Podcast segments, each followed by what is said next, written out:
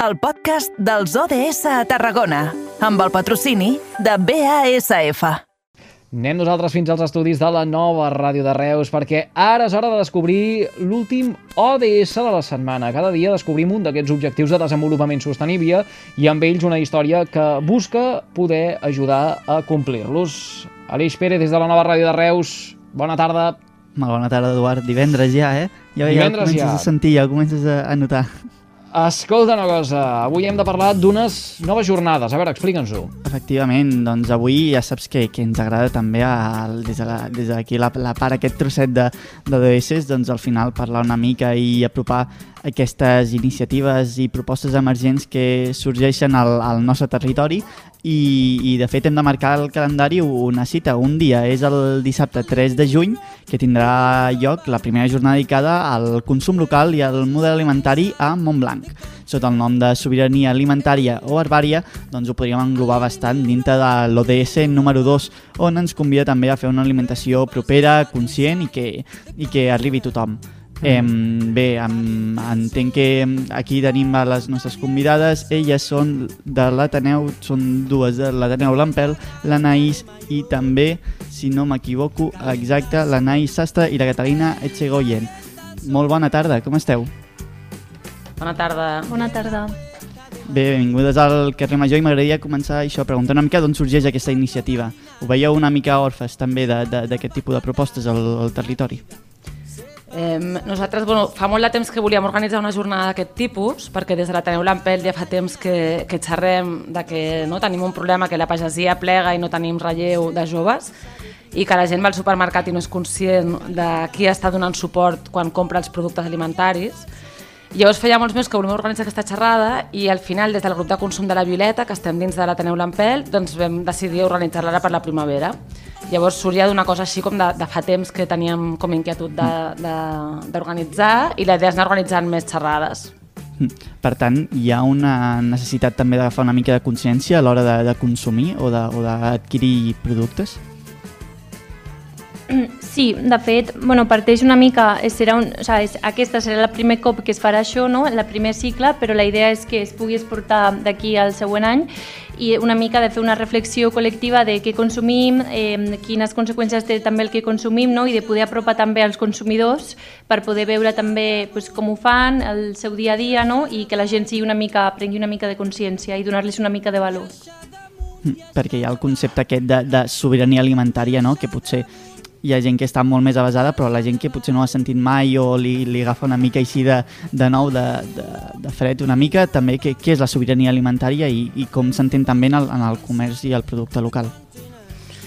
Doncs la sobirania alimentària, hi ha persones que es pensen que vol dir que ens hem de produir tot el que ens alimenta, però sabem que no, vull dir, també podem consumir productes com cafè o te que venen d'altres països amb criteris de comerç just.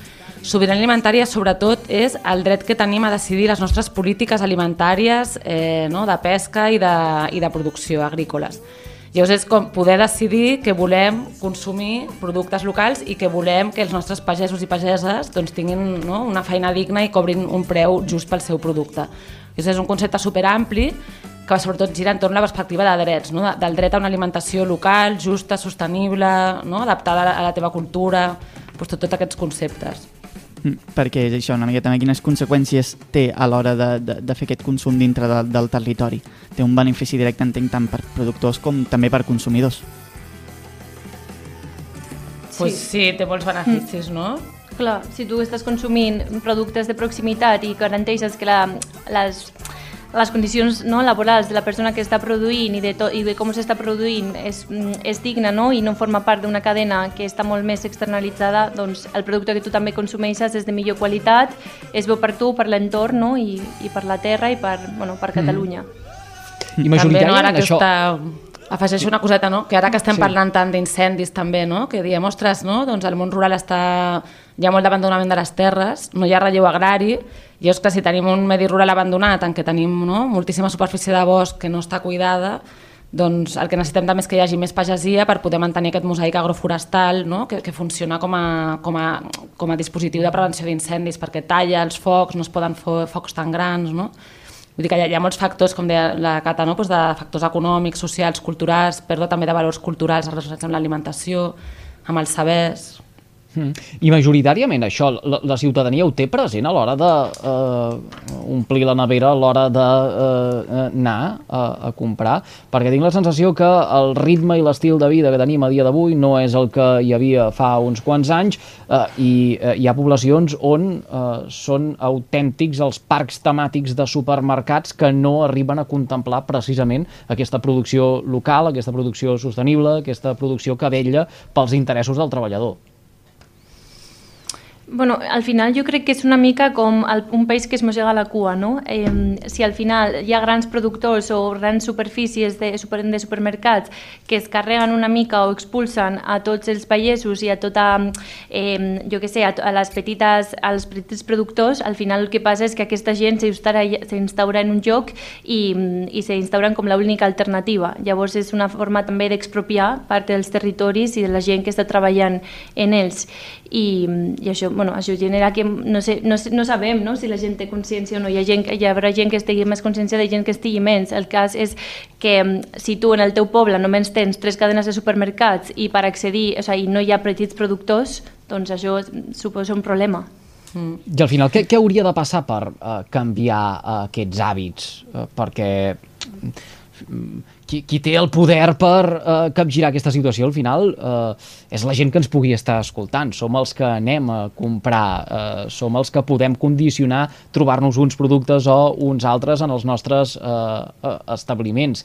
Mm. Eh, sí que ara cada cop més parlem d'objectius de desenvolupament sostenible i d'aquesta agenda 2030 de les Nacions Unides, uh, però uh, hi ha qüestions que queden relegades sempre a, a, a engrunes. Parlem de, de sostenibilitat o d'ODSs pensant en, en aigua ara perquè hi ha sequera o, o, o en el medi ambient si és que eh, hi ha un abocament incontrolat i malmet uns ecosistemes o en la pol·lució quan es creen les zones de baixes emissions però de consum en parlem prou? Doncs potser en parlem poc, no? perquè és, és molt important saber, bueno, ser conscient de qui estàs donant els teus diners. Si estàs donant els teus diners a Mercadona a Bon Preu, no? que ara el, el director general de Bon Preu ha entrat com a una de les persones més riques, de les 100 més riques de l'estat espanyol, vols donar els teus diners a aquesta persona o vols donar els teus diners a, al Jordi que fa ús ecològics aquí a 3 quilòmetres d'on estem gravant aquest programa no? i que té gallines en llibertat i que està tenint cura del territori? Doncs és superimportant parlar d'això i això que preguntaves, no, de com podem fer perquè la gent tingui un, no, un consum més local, més conscient. Doncs el principal és menjar de temporada, no menjar fora de temporada, això ja és una línia que ja, no, ja t'exclou tot, el, tot el que és menjar importat, tot el que són tot, no, tot aquest tràfic d'aliments per tot el món de l'agroindústria. La segona és menjar producte local, que sigui doncs, no, de, a qui li compres, doncs, a les botigues de barri, sobretot, i si tens algun grup de consum al teu poble, ciutat, que n'hi ha multi, a Catalunya hi ha més de 100 grups de consum, doncs pots acudir al grup de consum on pots comprar directament a la pagesia de forma agrupada. No? Doncs això serien com algunes claus per poder canviar aquests patrons de consum. Però sobretot I... no trepitjar els supermercats, això és el més important. Si vols pots anar a comprar paper de vàter i alguna cosa més, però tota la resta dels productes es poden aconseguir sí. de forma local fabricades aquí. Tot, neteja, alimentació... que, de fet, durant tota la història de la humanitat, no? o sigui, quasi tota la història de la humanitat o sigui, no ha hagut supermercats, o sigui, que és un fenomen molt modern, no? llavors és un tema que s'ha instaurat sí. ara i, per, i sembla que sempre hagi sigut així, però que és un fenomen dels últims 50 anys. Sí, que... I, i llavors em, tornem una miqueta amb tot aquest context, també una mica a les jornades, també amb com, com heu volgut vertebrar, com heu volgut doncs, articular tot aquest discurs a partir de les activitats o les coses que, que voleu fer el, el dissabte 3 de juny. Doncs, bueno, hem articulat, eh, bueno, hem articulat eh, en diferents com, eh, no sé com explicar, blogs, sí, blogs, o llavors, primer de tot vindrà el Gustavo Duc, eh, que, és, bueno, que és un noi que és activista, és poeta i és, eh, eh, bueno, i és un especialista en tot el tema de l'agricultura la, i de la pagesia, Eh, llavors vindrà i farà una xerrada, eh, i farà mm. una xerrada sobre, eh, del diagnòstic i les propostes eh, davant de la crisi agroalimentària a Catalunya. Llavors, eh, bueno, el farà i farà, tot, farà aquesta primera xerrada i, fa, i haurà també un torn de preguntes obertes. No? Mm. I això serà a les 11.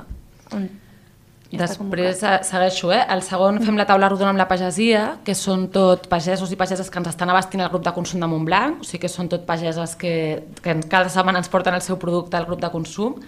Llavors vindrà l'Aresta, que és una cooperativa de treball que fa pa agroecològic aquí a Santa Coloma, el Pep Mestre, que és el pagès que fa el cereal perquè, aquesta, no? perquè l'Aresta pugui fer el pa, també aquí a la comarca, la Sagalla, que són pastores i elaboradores de formatges, o sigui, tenen cabrit eh, aquí al costat també a les muntanyes de Prades, a Prodisca, que és una entitat social de Montblanc que té un obrador on elaboren productes agroalimentaris, i la Carbasseta, que és un productor de verdura que està aquí a, també a les hortes d'aquí de Montblanc.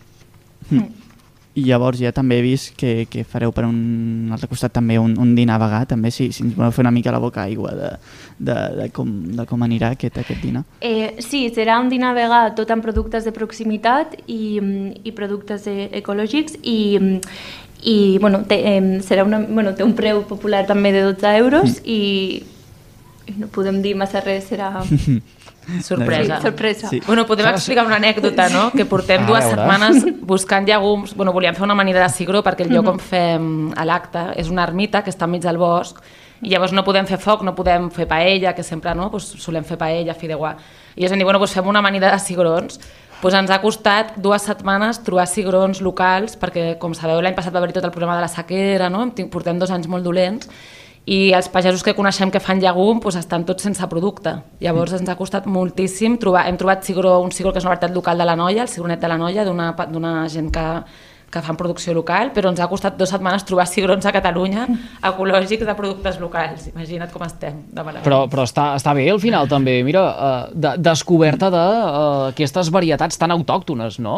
Uh, vull dir, uh, pensar en un consum eh, del territori ens permet això, sentir-nos orgullosos d'aquest producte que eh, és d'una gent que se l'estima molt i alhora fer grans descobertes. No sé si eh, vosaltres l'arribàveu a conèixer aquesta varietat o ha estat també una sorpresa en el vostre cas.